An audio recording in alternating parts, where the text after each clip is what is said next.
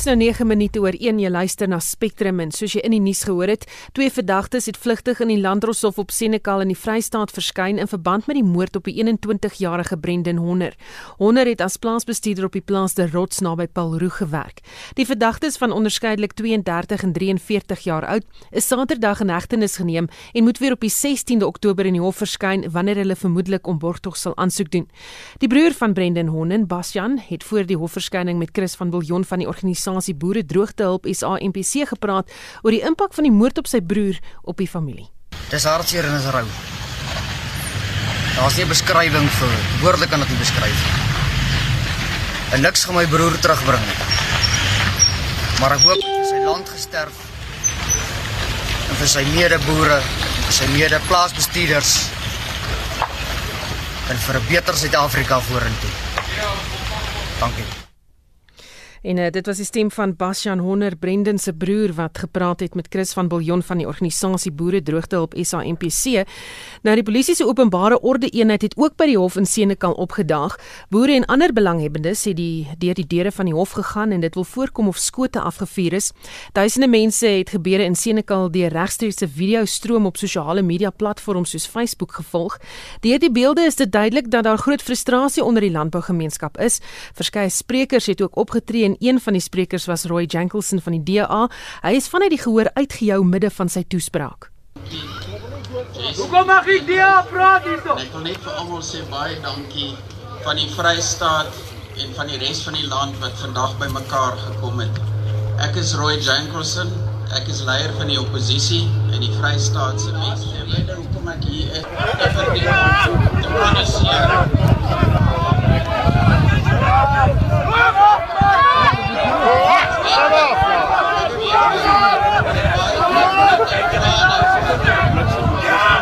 Die Vryheidsfront Plus het die president uitgedaag. Woordigheid stuur 'n boodskap vir die regering.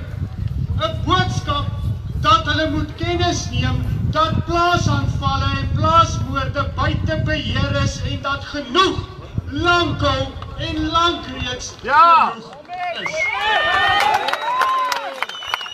Ek wil ook vandag sê president I want to give a message to President Ramaphosa and I want to challenge him to come and tell the family of Brendan that farm murders do not exist.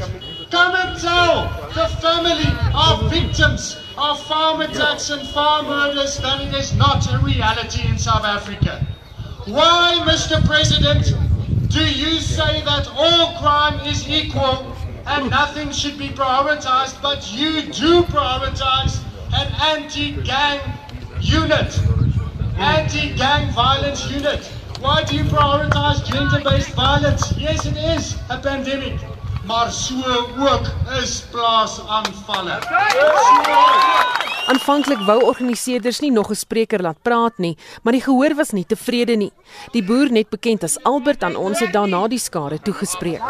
Baie dankie mense vir die geleentheid. Ons plakate, dit stop nou. Oor 'n maand hoor ons weer van dit. Jou eie dogter word verkrag. Daai man is so sleg vermink, hy gaan veras word. Hy kan nie begrawe word sy pa wil nie. Trane in my oë. Ek het 'n vrou en twee kinders wat vir baie lief is, maar ek het 10 minute.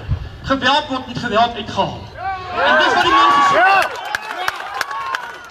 Ek praat nie baie nie. Ek het power, maar ek het dit nie hier nie.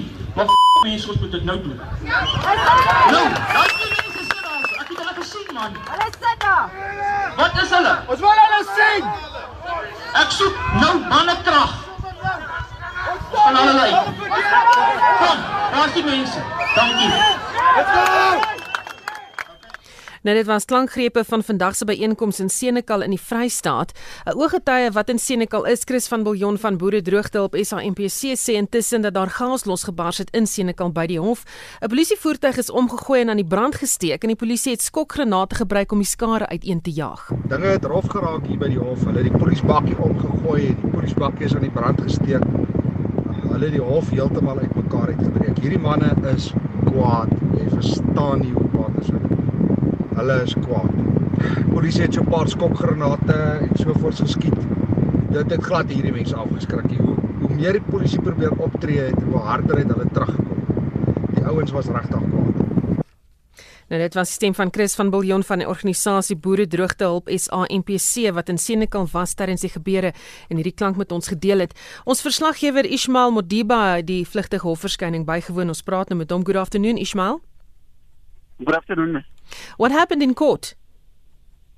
Well, the court didn't take much much time. The two two suspects appeared uh, for appeared in court for just about five minutes before the court proceeding uh, uh, uh, postponed the matter to uh, next week Friday for them to formally apply for bail. It was a very short, uh, uh, you know, proceedings, and afterwards we left the court, and everything was okay outside court up until uh, two hours later when things changed. When the farmers were outside court, uh, eventually went inside the court building and eventually damaged and overturned a police vehicle.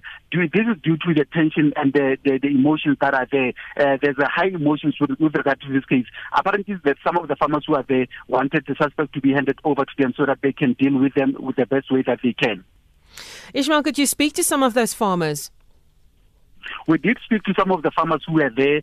Uh, they expressed their, their concerns with regards to the farm matters, and not just only the farm matters. They're speaking about the farm matters, the the the, the, the abuse of, uh, of on women and children, uh, the hijackings, the bank robbery. They say we need to deal with this. The, the South African government and the South African community as, at large, they need to come up with a way of dealing with crime in general. Because what is happening here today with the farm workers is also happening to our homes at, at, at, at homes, and it affects every member of society. So they've expressed their concerns and sympathy. But one important thing that they've also raised was the fact that it's now time that the government should look at reintroducing the death penalty.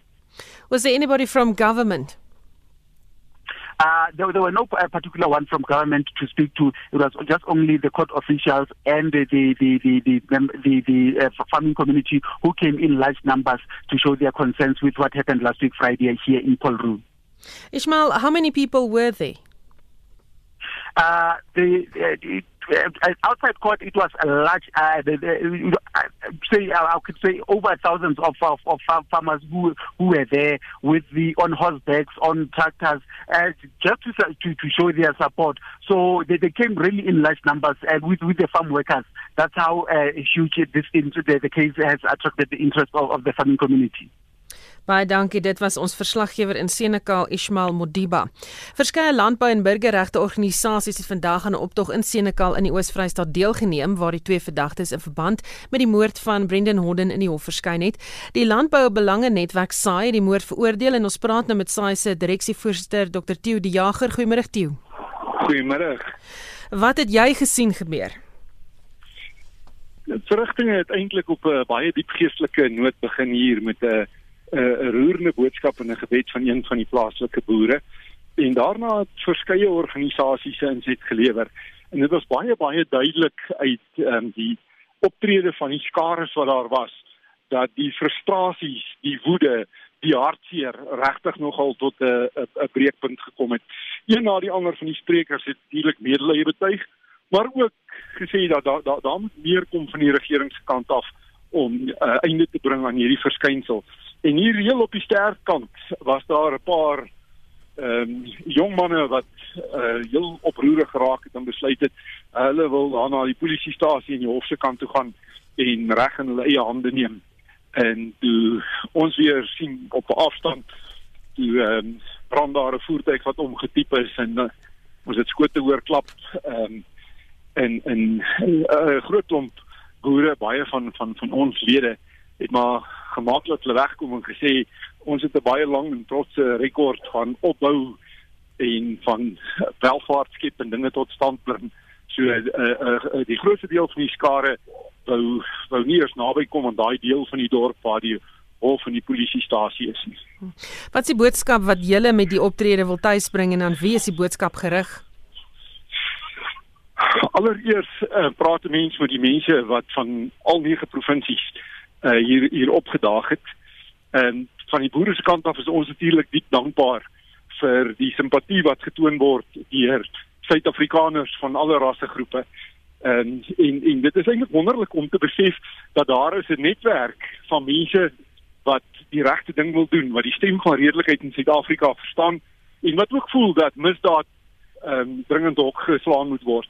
maar daar's baie duidelike boodskap spreker na spreker wat gesê het dat hierdie giftige omgewing wat toelaat dat iets soos plaasmoorde, plaasaanvalle, vee diefstal en um, die gemeenskapheid in die platteland ontwrig. Dit is geskep deur die die die huidige stelsel. Daar is baie pertinent gepraat met die minister van wet en orde en gesê en um, hy word beleef as 'n deel van die probleem en nie as 'n deel van die oplossing nie. En um, daar's gesê ehm um, daar daar sal 'n groter moeite gedoen moet word om betrokke te raak op plaaslike vlak. Dat dat dat mense nie net in hulle gemeentes, hulle skole nie, maar ook op plaaswagte, buurtwagte, landbou strukture betrokke raak om dit te doen wat die stelsel op die oomblik nie vir ons doen nie.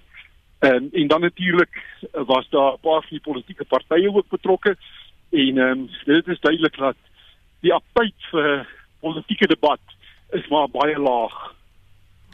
Die net laastens uh, dink jy daar's 'n groeiende bewuswording teen geweld nie net onder burgerregte organisasies nie maar ook onder gewone lede van die publiek.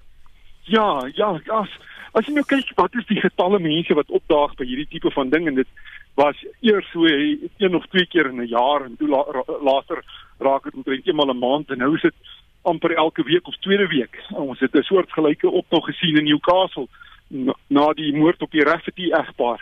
Vandag was daar duisende mense van oor die hele land heen. Boere moet hulle bakkies, dorpenaars wat bussies vol gepak het en en natuurlik mense op motorfietsse wat almal hulle hulle hulle bydrae kom lewer. En dan natuurlik ook die geweldige belangstelling oor hierdie ding wat in die buiteland ontvlam het, nê. Nee, en dis toe te skryf van die feit dat meer Engelstalige koerante oor hierdie goed begin skryf.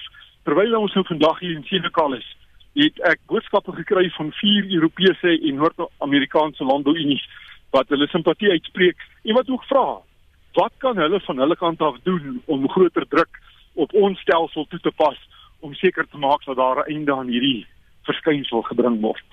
Julle beplan 'n internasionale toer oor plaasaanvalle wanneer en watter instansies sal julle besoek? Dit is baie moeilik om te sê presies wanneer want alles gaan afhang van wanneer die die wêreld weer vir ons oopgaan. Ons het gedink dit is moontlik om al internasionaal te toer, maar soos jy weet, jy het van die internasionale lugrederye hulle dienste opgeskort na Suid-Afrika toe. En dit is dis nog belangriker dat as 'n mens gaan dat jy die regte impak het. So ons praat op die oomblik met landbouunies veral in Oos-Europa en met die Russe, maar ook in in in Wes-Europa, landbouunies met wie ons nou al 'n baie lang verhouding opgebou het.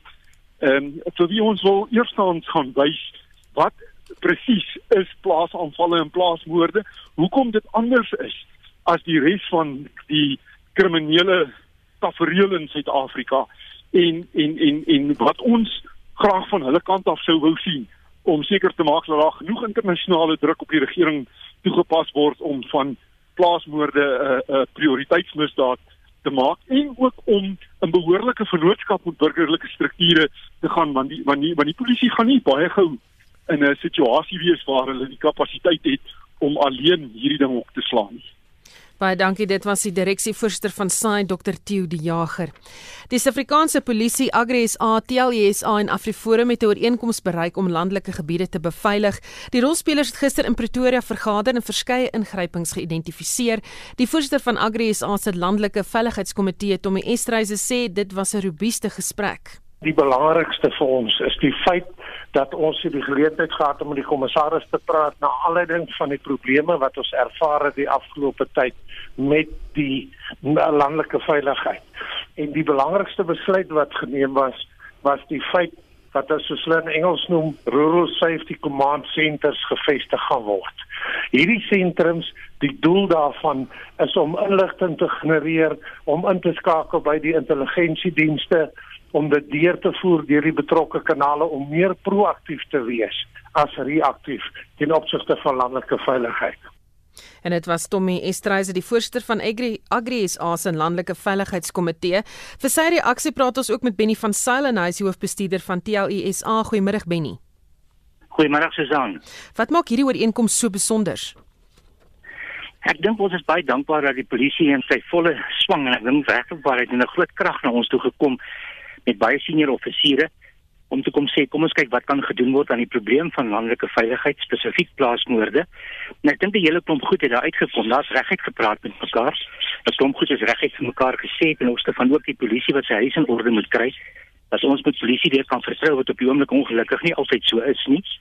Ons het 'n probleem van die politieke wil wat ons nou nie gister aangespreek het nie want ons kan nie met die polisie praat oor hulle hoofde nie. Maar in Suid-Afrika is daar 'n skeefloop scenario. Ek bedoel vandag kom mense by Senekal by mekaar om 'n verkeerde rede. En ek dink daar's gister hard gepraat in daardie rigting. 'n Groot klomp goed het tafel toe gekom.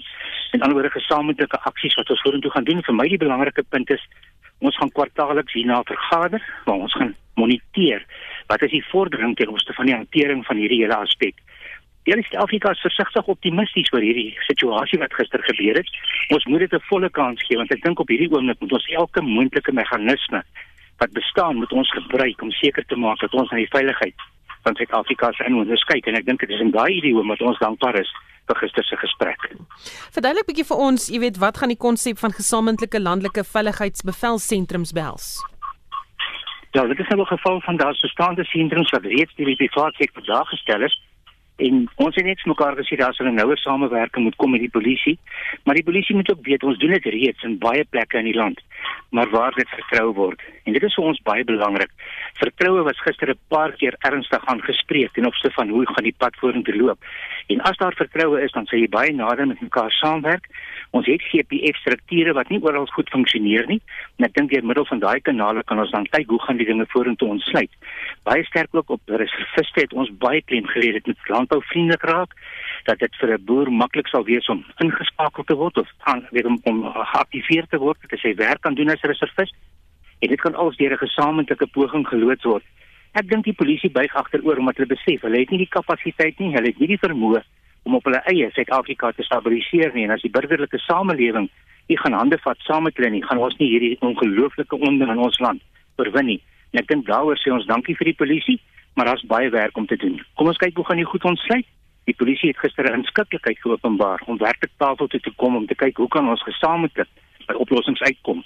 Hierdie gesamentlike operasionele sentrums dink ek gaan 'n bepaalde punt wees wat maar sal moet inrol. Ons gaan kyk hoe ons sê dit so hierdie tyd sy verloop neem.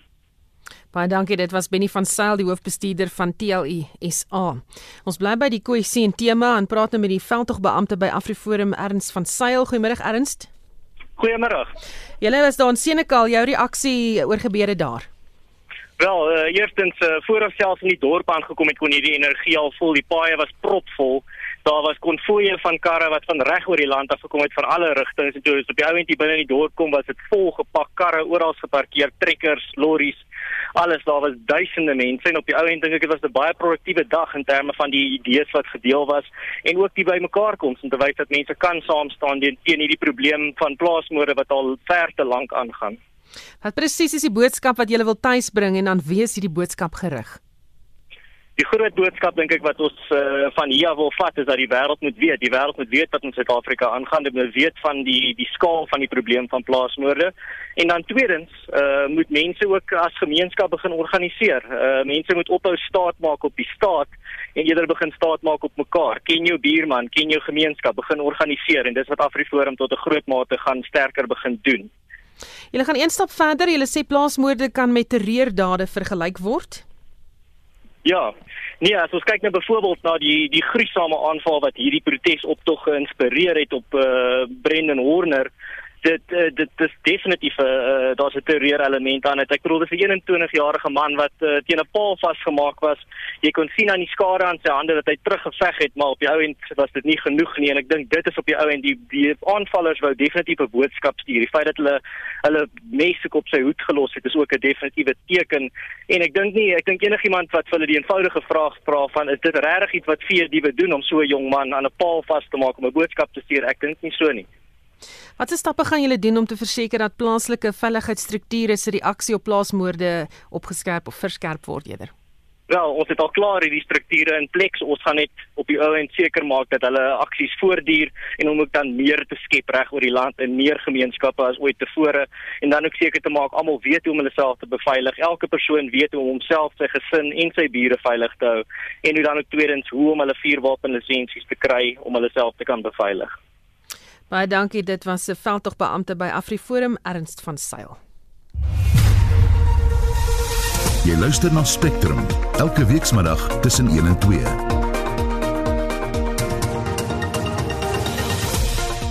Hoofnuus vandag betogers by die Senekal Landdroshof het die gebou bestorm en geëis dat twee verdagtes wat aangekla word van die moord op 'n plaasbestuurder aan hulle oorgegee word. Dinge het rof geraak hier by die hof. Hulle het die polisiebakkie omgegooi en die polisiebakkie is aan die brand gesteek.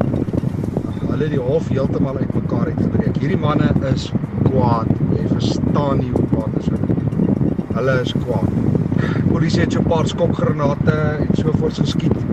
Dit het glad hierdie mense afgeskrik. Hoe, hoe meer die polisie probeer optree het, hoe harder het hulle teruggekom. Die ouens was regtig kwaad. Net in Nakusato vra dat staatsdienswerknemers môre by die huis moet bly as deel van sy nasionale sosio-ekonomiese staking en ons hoor meer oor 'n waterskeiding uitspraak vir sosiale media in Suid-Afrika. Bly ingeskakel. Daar is geen verkeer. In KwaZulu-Natal is daar 'n veldbrand op die N3 Wes net voor Kaito Ridge um, wisselaar. Die sig is swak daar. In Johannesburg staan 'n voertuig op die N3 Noord net na Marlborough Rylaan en uh, dan in Kaapstad staan 'n veldbrand op die R300 suid net voor die N2 sig is ook swak daar en dit is jou verkeersnuus. So bykans 13:32 jy luister na Spectrum. Kusatu vra dat staatsdienswerknemers môre by die huis moet bly as deel van sy nasionale sosio-ekonomiese staking. Die vakverbond staak teen werksverliese, korrupsie en geslagsgeweld. Die vakbond federasie SAFTU hou ook môre 'n landwyse staking. John Esterhuizen het meer. Kusato versoek die regering om die openbare vervoerstelsel en sukkelende openbare instellings reg te ruk, asook om 'n minimumfonds vir geslagsgeweldoortreders in te stel. Kusato is ook omgekrap oor die regering se besluit om nie verhogings aan staatsamptenare te gee nie, soos die jong president Mike Shinkange verduidelik. We find ourselves in the arbitration process, we find ourselves in courts taken by government wanting to declare a collective agreement uh, unlawful and unconstitutional, which themselves have appended the signature. That's why we find workers uh, thinking that uh, the only way now for them to do is to go on the street and try to, to pressurize the government to at least, at a minimum, implement that which they've signed for. Die hoofsekretaris, Bekin Chalin Chali, sê Kusatu sal nie 'n tradisionele staking hou nie as gevolg van die pandemie. We have the responsibility not to undermine the fight against this deadly coronavirus that has killed so many of our compatriots. We shall be convening socially distanced pickets and motorcades across all the nine provinces and in many of our identified towns and cities. Saftu se hoofsekretaris, Zwelanzima Vavi, sê die pandemie die finansiële en maatskaplike ongelykheid in die land blootgelê. The levels of poverty, the levels of unemployment inequalities, the fact that our schools are dysfunctional, our healthcare centers, our criminal justice system have all but fallen apart. We demand a public transport, of course, but in the meantime, we want the taxis to be fully subsidized so that we may not be forced into these taxes like the sardine fishes. Waar weet lede versoek om die inperkings en veiligheidsreëls tydens die staking na te kom. We will be in the streets. We cannot afford to just call on workers to stay at home and not be visible at the time when uh, they are being slaughtered left, right, and center by capital. We expect every worker that will be joining our demonstrations to be in a mask.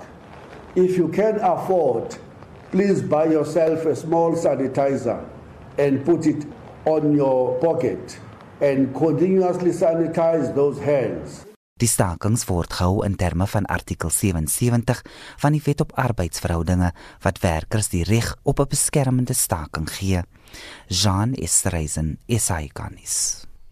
Die ANC top 6 het die MK veterane leier Kebbe Mapetswe beveel om voor hulle te verskyn weens opreiende opmerkings wat op sosiale media rondgestuur word. In die opname sê Mapetswe glo lede moet wapens opneem. Dis nie duidelik uit die opname teen wat nie. Hy het in 'n onderhoud later gesê dat die vergadering baie suksesvol was. Hy het ook aangevoer dat hy die lede aanmoedig om te veg vir wat reg is binne die party. ANC veteraan leier, Musom Simang sê intussen, dit word 'n al groter frustrasie vir die ringkoppe binne die party dat die ANC ANC praat daaroor om korrupsie uit te roei, maar nog geen stappe gedoen het om dit toe te pas nie. It is very very frustrating, very. it is important that uh, the ANC implements what it says it, it intends to do, because for all the time, uh, the ANC has condemned corruption, but that's really been observed in the breach. People are waiting to see action. They want to see that people who are infringing the rules of the organization are given the treatment uh, treatment according to what uh, the provisions of the ANC uh, says. Msimang sê hy dink dat die groot hoeveelheid leiers in die party wat by korrupsie betrek word, dit moeilik maak vir die party om sy doelwitte in die verband te implementeer. Our leaders need assistance. Uh, there are so many people who are tainted, uh, implicated, we are all stepping on edge here, who are in the highest structures in the NEC uh, that perhaps it might be difficult to implement this program by themselves. So people of integrity from outside, uh, I'm not talking about veterans here, I'm just talking about South Africans of integrity who've always supported the struggle and want to good, do good for may need to be assist, uh, called in to assist. Msimang sê dit is belangrik dat almal in die samelewing nou saam staan om die ANC se siel te red. No, I would uh, I would ask uh, people from the SACC, people of the cloth, you know, don't want to mention names here, who would who would constitute themselves into a body that would assist the ANC to to purge itself of corruption. I think they should try what they can now. The ANC should, but it definitely is going to be difficult. I mean, if we talk about Saudi giving money to the Treasurer General of the ANC uh, you ask the question how much was known or not or not known by others in the NEC or in the top six. You really have I have a fear that too many people are tainted when you really come to examine the problem that we have. Msimang betreur die feit dat mense soos die oud-minister van omgewingsake en tans die leier van die ANC se nasionale appelkomitee, Nomvula Makonyane, by korrupsie betrek word. I could mention Zwane Bongo and uh, Supra, all of whom are heading up important portfolio committees, actually tainting very seriously Parliament, which is a neutral thing. It's not the ANC. If the ANC posts people like that to Parliament, it is saying it is totally insensitive about ethical issues. Uh, and you have people talking about and they haven't gone to court. I mean, this is absolutely unacceptable nonsense, to be honest with you. Nomvula uh, he is on this choice delegation that goes to Zimbabwe, uh, and so are other people. And you wonder why are people not uh, concerned that people still have things hanging over them uh, should be featuring in, in public as if really there was nothing the matter. Msimang skryf die gebeure toe aan faksies binne die party. Uh, something called factionalism, and this is what actually makes these things possible. you had the ANC, NEC, the NEC saying people who are tainted, who are implicated should step aside. Lungisa steps aside, and the next thing you see a demonstration uh, in his support being mounted by uh, a member of uh, the um, the NEC. So NEC is frozen into inaction do they not ask this person why you do this, why you go against the grain of what was decided by the NEC in which you sit? You can, and, and if in the end these people want to come up with lawyers and have the, the, the last resort, but it is a resort, it is a recourse that the ANC can take. Say, leave the organization and keep your job wherever it is then. Just leave the organization. You don't belong among us. Dit was 'n leier van die ANC veteranengroep Mvusom Simang. Die voormalige onafhanklike konsultant by Eskom, Nicholas Lenel, het vanoggend sy getuienis by die Staatskapingskommissie in Johannesburg voortgesit. Lenel het vroeër getuig dat hy aangestel is as die hoof van 'n ondersoek na uitdagings waarmee Eskom te doen gehad het. Lenel sê die voormalige voorsitter van die SAL Raad, Dudu Mjeni, het hom op 8 Maart 2015 na die voormalige president Jacob Zuma se amptswoning in Durban genooi om die besonderhede van die ondersoek te bespreek. En vir die jongste praat ons met ons ekonomiese verslaggewer Amina Akram. Uh, Goeiemôre, good afternoon. Afternoon, Amina. Good afternoon to you and the listeners. What did Nicholas Linnell testify about today? So he has, this is the second uh, day that he's given evidence, and obviously he's still been questioned as to what happened between 2014 and 2015 um, during the resignation of four ESCOM executives, including its CEO. So he is currently being questioned, uh, basically what was you know what was his role uh, how he became uh, how he came to give legal advice at the point that he was appointed he he was supposed to develop terms of reference and sort of give legal, legal advice as to what should happen in this particular inquiry. So he has actually explained why there was a reason to suspend this particular executive, and he says at that particular point, looking at it then, not now, uh, there was reasons because there was allegations of corruption at ESCOM, and there was also a strong demand for an investigation because there was problems at the power, at the power utility. Uh, baie dankie, dit was Amina Akram, ons ekonomiese verslaggewer. Die omstrede pastoor Timothy Omotoso is weer vandag in die Hooggeregshof in Port Elizabeth waar hy 'n borgtog aansoek doen. Omotoso en sy twee mede-beskuldigdes, Lusanda Solani en Zikiswa Situ, staan tereg op meer as 90 aanklagte. En ons praat met ons verslaggewer in Port Elizabeth, Veronica Fourie. Goeiemiddag Veronica. Goeiemiddag Susan. Kom ons hy vandag in die hof. Hy is vandag in die hof um, omdat hy on, eintlik om drie redes. Die eerste rede is dat hy aansoek doen vir borg en dan word daar ook 'n uh, aansoek gebring om 'n uh, ondersoek te laat vir al die kere of vir die redes om al die kere wat die saak uitgestel is. Julle sal onthou die saak duur al meer as 3 jaar. Hy sal in 2017 in April gearresteer en van 12 is hy nog steeds in aanhouding. En dan die derde rede is dat hulle ook 'n aansoek bring om die getuienis van twee vroue wat reeds getuig het, ehm um, uit te gooi. Nou ons weet nie wat die rede daarvoor is nie vir die uitgooi van die getuienis nie. En ehm um, ons vermoed dat ehm um, luisteraars sal miskien onthou dat een van die redes hoekom die saak ook uitgestel is was dat die eerste regter, ehm um, Mandla Makahula, uh homself van die saak moes onttrek het omdat hy glo uh aandele gehad het in 'n gastehuis waarin van die staatsgetuies sou woon. Toe is regter Irma Skuman aangestel en dit het beteken dat die saak van voor af moes begin. Nou die twee getuienisse wat hulle nou wil uitgegooi het, is nou het, het, het getuig nadat die saak nou vir die eer, uh, vir die tweede keer begin het. Nou weet ons nie wat die redes daarvoor is nie. Ons sal dit net maar moet aanhoor, maar dit is nou 'n omstrede kwessie omdat die regter wat nou vandag hierdie drie kwessies moes aanhoor, uh, is 'n ander regter en hy het gesê hy twyfel of dit vandag nou die plek is waar hierdie twee kwessies aangehoor moet word. Hy is wel bereid om die borsaansoek aan te hoor, maar nie die ander twee kwessies nie. En toe was dit nou vanoggend 'n hele debatvoering en tegniese aspekte wat ehm um, uitgelig is oor hoekom dit in hierdie hof en nie in 'n ander hof, uh, jy weet die kriminele hof moet wees nie. En hy die regter het gevra vir sekere dokumente wat nou ingehandig moet word en hy as ook die staat sou nou hierdie dokumente wat hulle van die verdediging kry uh, uh bestudeer en dan sal hy nou later besluit wat is die uitkoms daarvan. Maar nou die saak is toe nou uitgestel tot nou 2 uur en dan sal hulle begin met die borg aansoek. So ons hoop daarin dat daar nou iets sal gebeur vanmiddag anders is dit net nog 'n verlore dag in die saak. Baie dankie, dit was ons verslaggewer in Port Elizabeth Veronica Fourie. Ons beweeg na die sportveld met Shaun Jooste. Kom ons slaan af met tennisnuus. Die kwartfinale by die Franse Ope het aangebreek en in die mansafdeling kom Dominic Thiem van Oostenryk later teen die Argentyn Diego Schwartzman en die Spanjaard Rafael Nadal teen die Italiaaner Jannik Sinner te staan.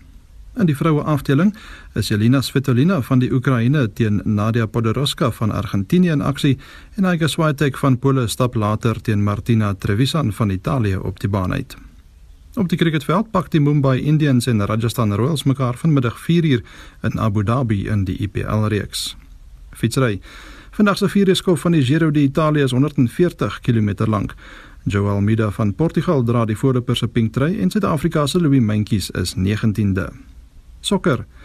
Die Suid-Afrikaanse midvelder Bongani Zungu het by die Skotse reëse Celtic aangesluit en sien uit om by sy held Steven Gerrard te leer. Die 27-jarige Zungu kan die skuif permanent maak indien hy Celtic oor die res van die seisoen beïndruk. Zungu het al 29 keer vir Suid-Afrika op die veld uitgedraf. En laastens, die organiseerders van die Comrades Marathon het aangekondig dat die 95ste weergawe op 13 Junie 2021 sal plaasvind. Die marathon is van Pietermaritzburg tot Durban. En dit was Shaun Jooste van RSG Sport. Dis nou kwart voor 2. Minder mense het in die staat van inperking skuld kon aangaan en minder mense het ook aansoek gedoen om lenings. Dis volgens die verbruikerskredietmarkverslag en die kredietburo moniteringsagentskap se jongste data. Die verslag het gekyk na die tydperk tussen Maart en Junie vanjaar en toon dat 56,7% minder lenings toegestaan is kwartaal op kwartaal en dat 47,7% minder mense vir lenings aansoek gedoen het. En ons praat nou met 'n skuldkenner van DebtSafe Karla Oberholse. Goeiemôre Karla. Goeiemôre Susan en ook al die luisteraars. Kom ons kyk na die statistiek. Hoekom sou minder mense vir skuld aansoek doen in hierdie tydperk? Also dan wie se verskil wie vir my aannames te maak nie, maar ons weet dit was 'n tydperk waar mense ingeperk was en hulle kon nie net uitgaan om byvoorbeeld na huise te gaan kyk of motors te gaan koop nie. Hulle kon nie eens pakkies ontvang deur afleweringsdienste byvoorbeeld nie. Hulle kon slegs die nodige aankope dienste uiteengesit deur ons regering en die verskillende plekke van die Grendel tydperk. En as jy nou kyk na die getal ehm um, kredietaansoeke wat ook gedaal het met meer as 47%. Jy weet net mense moet gaan kyk na die krediteer was daar risiko's aan verbonde. Jy weet en ook dan soos vir die regering uiteengesit het, um, dalk mag hulle dit nie eens toegestaan het en dit het natuurlik um, die getalle en die syfers van Maart tot Junie um, geaffekteer. Hm. En dieselfde asem sê die verslag dat minder mense ook goedgekeur is om skuld aan te gaan. Is daar 'n rede verskaf oor hoekom? Jongs, so 'n um, natuurlik um, Kan jy asseblief net weer die vraag herhaal, ekskuus? Is daar 'n rede verskaf oor hoekom mense ehm um, jy weet nie goedgekeur is om skuld te kan aangaan nie? Die verslag iets daaroor gesê. En nee, nee, hulle het net um, duidelik um, gemaak dat dat dit dat dit gedol het en en um, ja, dit ons as 'n skuldberoler kan mens net aanneem dat daar mense is wat natuurlik um, nie die nodige um, aankope kon doen wat hulle graag wou doen. Hulle kon nie net die one sê en moes net die nodige goed aangaan wat hulle moes. Hmm. Enige raad aan verbruikers in hierdie tydperk? Jong Suzan, ek wil net noem aan webwerf het ook in hierdie tydperk ehm um, data ingesamel en dit is bewys dat 70% van die mense getoon het dat vanjaar se koronavirus verbruikers se finansies 'n knou kom gee. En meer as 64% van ons data-insameling self het getoon dat verbruikers se inkomste geaffekteer was. So ek wil net weer eens so vir die nasionale kredietreguleerder sê, kyk uit en doen jou navorsing, wat is jou persoonlike situasie? Wat kan jy doen om om dit beter te maak? Is daar hulp wat jy kan gaan kry, soos byvoorbeeld skuldberadingsproses indien jy 'n vorm van inkomste verdien, indien jou inkomste baie geaffekteer is en jy het moontlik nie meer inkomste nie, is dit dalk nie kredietlewensversekering wat jy moontlik aangegaan het waarvan jy vergeet het nie. En ja, dit is belangrik om boustene in plek te sit, identifiseer jou probleem, beplan en voer aksie uit, gebruik jou leerervaring en berei voor vir 'n toekomstige krisis wat moontlik jou finansies kan belemmer en kry ook die nodige ondersteuning in plek om te weet jy's nie alleen nie en um, maak voorsiening dat jou finansies nie weer um, verder agteruit gaan nie. En ons moet ook weet wat Vrydag um, is aan die kom en Kers wees, dink voordat jy koop en maak 'n belangrike en kundige besluite in die proses. Baie dankie, dit was 'n skuldkenner van DebtSafe Karla Oberholse. Soos jy in die nuus gehoor het, is die Nobelpryswenner vir fisika 'n kort ruk gelede aangekondig en ons praat nou met ons wetenskapsjoernalis George Claassen wat die aankondiging dopgehou het. Goeiemôre George. Goeiemôre Susan. Vertel ons van die wenners. Ja, een van die uh, mees verwelkomende uh uh wenners is Roger Penrose. Hy's 'n 89-jarige wiskundige en fisikus van die Universiteit van Oxford. En hy wen die helfte van die prysgeld vir die wyse waarop hy red in 1965, soveel jare gelede, die verband getrek het tussen die ontstaan en bestaan van gravitasiegolwe, die sogenaamde black holes, en Einstein se algemene relativiteitsteorie. Ja, die ander helfte van die prys word gedeel deur die 68-jarige Reinhard Genzel van die Max Planck Instituut in Duitsland en Andrea Ghez, sy is 'n 55-jarige astrofisikus van die Universiteit van Kalifornië. En hulle kry die prys vir hulle ontdekking van 'n supermassiewe gravitasiekolk in die middel van ons heelal, die die, die Melkweg by die sterrestelsel Sagittarius A. Hulle het dit al so ver terug as die middel 1990s beskryf. Nou slegs die uh, vierde keer dat 'n vrou die prys wen. Ja, Gess is slegs die vierde vrou uh, wat die Nobelprys vir fisika wen. Uh, die eerste een was Marie Curie in 1903 en daarna Maria Goeppert-Meyer in 1963 en Donald Strickland 2 uh, jaar gelede. Maar sy was 'n klein dogtertjie toe die maanlandings plaasvind en dit was so geïnspireerd haar ma het uh, dadelik entoesiasties neergestap en gesorg dat sy uh, astronomie gaan studeer uh, aan universiteite. Maar 'n ander interessante ding is dat dat uh, um, Penrose is al, al jare een van die leidende astrofisici en sy debat met Stephen Hawking oor naakte singulariteit uh, dat dit nie moontlik is dat die wette van fisika in die samestelling van tyd en ruimte soms opgehef kan word nie. Bly een van die interessantste wetenskappe wat ooit in die wetenskap gemaak is. En Penrose het daai wetenskap gewen. So baie mense is baie bly dat Penrose het gewen. En natuurlik uit die aard van die saak ook guess as 'n vrou die, die vrouens die die toegang wat vrouens deesdae tot uh, astronomie en moderne fisika kry word net verder opstoot gegee met haar toekenning van die prys. Wat neem die paneel in ag as hulle die toekenning maak, weet ons?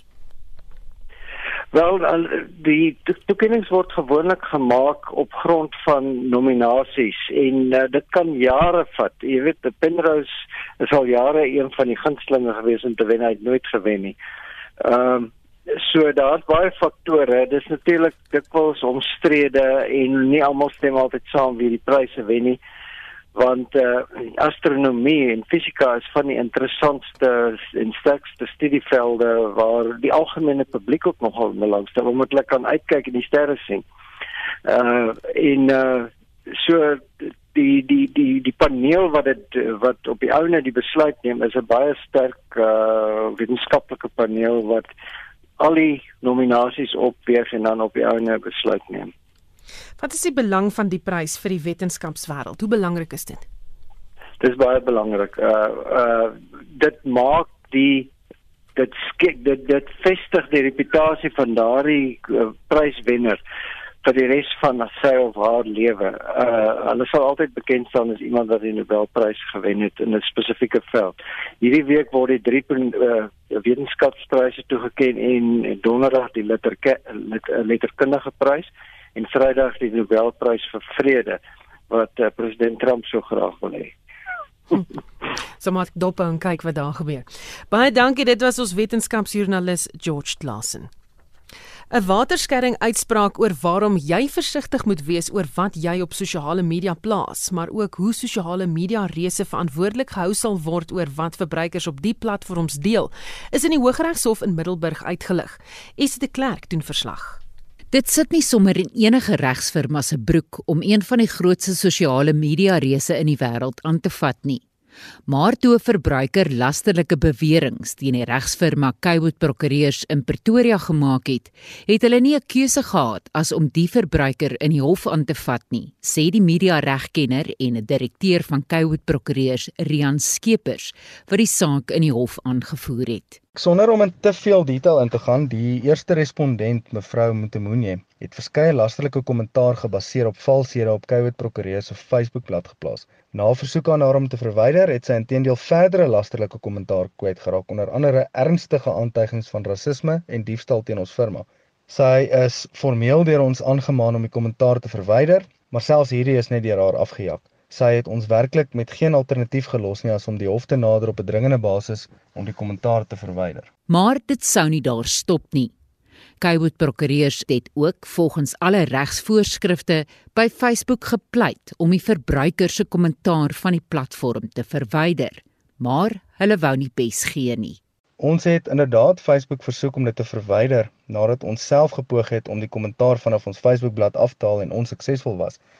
Mens moet altyd in ag neem dat die hof nooit as eerste instansie genader moet word nie, so dit was nodig geweest om alle partye aan te maan om so ver moontlik regsaksie te probeer vermy. Facebook se antwoord op ons versoeke was egter bloot en ek haal aan We reviewed the comment that you reported and found that it doesn't go against any of our community standards. For this reason, we didn't take the comment down. Ons was uiters geskok deur hierdie terugvoer van Facebook, aangesien ons verwag het dat hulle die kommentaar sou verwyder in lig van die inligting wat ons firma Facebook voorsien het. Die sosiale media regskenner Diana Schwartz van Diana Schwartz Prokureurs sê die hof se uitspraak beklemtoon die verantwoordelikheid van sosiale media reuse soos Facebook en Twitter en van verbruikers. I believe that this will be a landmark judgment that will be used as a precedent going forward to hold tech giants accountable when they don't adhere to the law. It's also very important, this judgment, for lay people on the street and smaller organizations who will now use this court case as a precedent and will have a fighting chance against tech giants such as Facebook in order to gain access to information and they won't be sort of bound by the jurisdictional issues that are often faced by taking action in South Africa against these tech giants who often have their head offices in other countries. Skipper sê hy is teleurgestel dat 'n media reus soos Facebook so 'n houding ingeslaan het. Dis net jammer dat ons so ver moes gaan om geregtigheid te laat seevier. My insiens is dat Facebook in omstandighede waar die eerste respondent geweier het om kommentaar te verwyder, self moes intree om dit van hulle kant af te doen sonder dat dit vir ons nodig was om 'n dringende aansoek teen hulle te loods. Swart sê Facebook se weiering om die lasterlike kommentaar te verwyder maak hulle aanspreeklik. Defamation is a delict in South African law, and there are certain elements that need to be proved in order to find in favor of defamation. And one of those elements is publication on a public platform. So, Facebook is the public platform on which these comments were posted and are therefore in the line of publication. So, when we have defamation actions against publications or newspapers, for example, the victim of defamation can sue each person in the line of publication. So, is the same for social media law. A victim of defamation on social media can sue every person who even reshared or retweeted a comment, even if they weren't the original post of the defamatory comment. Sy sê die tyd is lankal verby dat sosiale media verbruikers bloot sosiale media kan gebruik om hulle monde uit te spoel. Wees baie versigtig voordat jy daardie post knoppie druk. If you wouldn't shout it out on a loudspeaker, don't post it on a social media platform because it has the same effect. We have to ask ourselves is this post necessary? Would I be offending other people by posting this? What's equally important is to always remember that we have certain rights in our constitution, but these rights are not absolute. They need to be weighed up against each other and they have limited application. So many think that I can say what I like on Facebook and there will not be any consequences because this is my right to freedom of expression. Unfortunately, this is not true. Our rights to freedom of expression cannot trump upon another person's right to privacy or dignity. Sy sê die publiek moet onthou vryheid van spraak is nie gelykstaande aan laster, rasisme en haatspraak nie en dat die uitsprake deur die reg as misdade beskou word. Die hof het ook 'n kostebevel teen die Facebook-verbruiker uitgereik. Ek is Estie de Klerk vir SAK nuus. Luister na ons daglikse COVID-19 opdatering maandag tot Vrydag kwart voor 6 aangebied deur die Nasionale Departement van Gesondheid en SAIK opvoeding in saamwerking met die Solidariteitsfonds. Lief vir country musiek, kom kuier saam.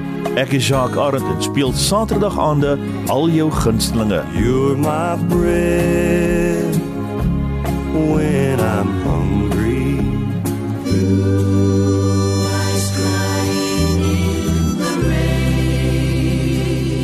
Country klanke, Saterdag aand tussen 9uur en 10uur uit die baai hier op RSG. My heart is in Rosario.